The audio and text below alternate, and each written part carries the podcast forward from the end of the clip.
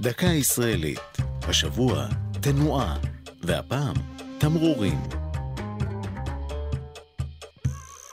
בתקופת הנביא ירמיהו לא נסעו מכוניות ברחובות. בכל זאת, בפרק ל"א, האל פונה אל בתולת ישראל, באומרו, הציבי לך ציונים, שימי לך תמרורים. פרשני התנ"ך ראו בתמרורים סימני דרך.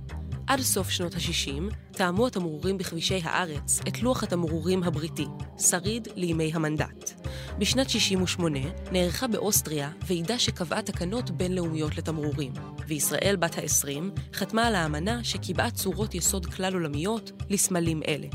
כעבור שנים ספורות פורסם לוח התמרורים הישראלי הראשון.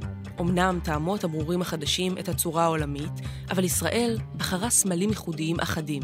הבולט בהם הוא תמרור העצור. אצלנו, תמרור העצור כולל כף יד, בעוד שבמרבית מדינות העולם כתובה עליו המילה עצור באנגלית. לוח התמרורים עודכן בשנת 2011.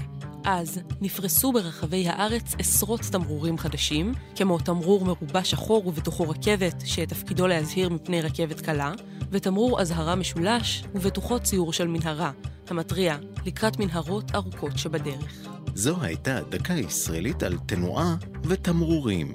כתבה אחינועם בר, ייעוץ הפרופסור שלמה בכור, עורך ליאור פרידמן.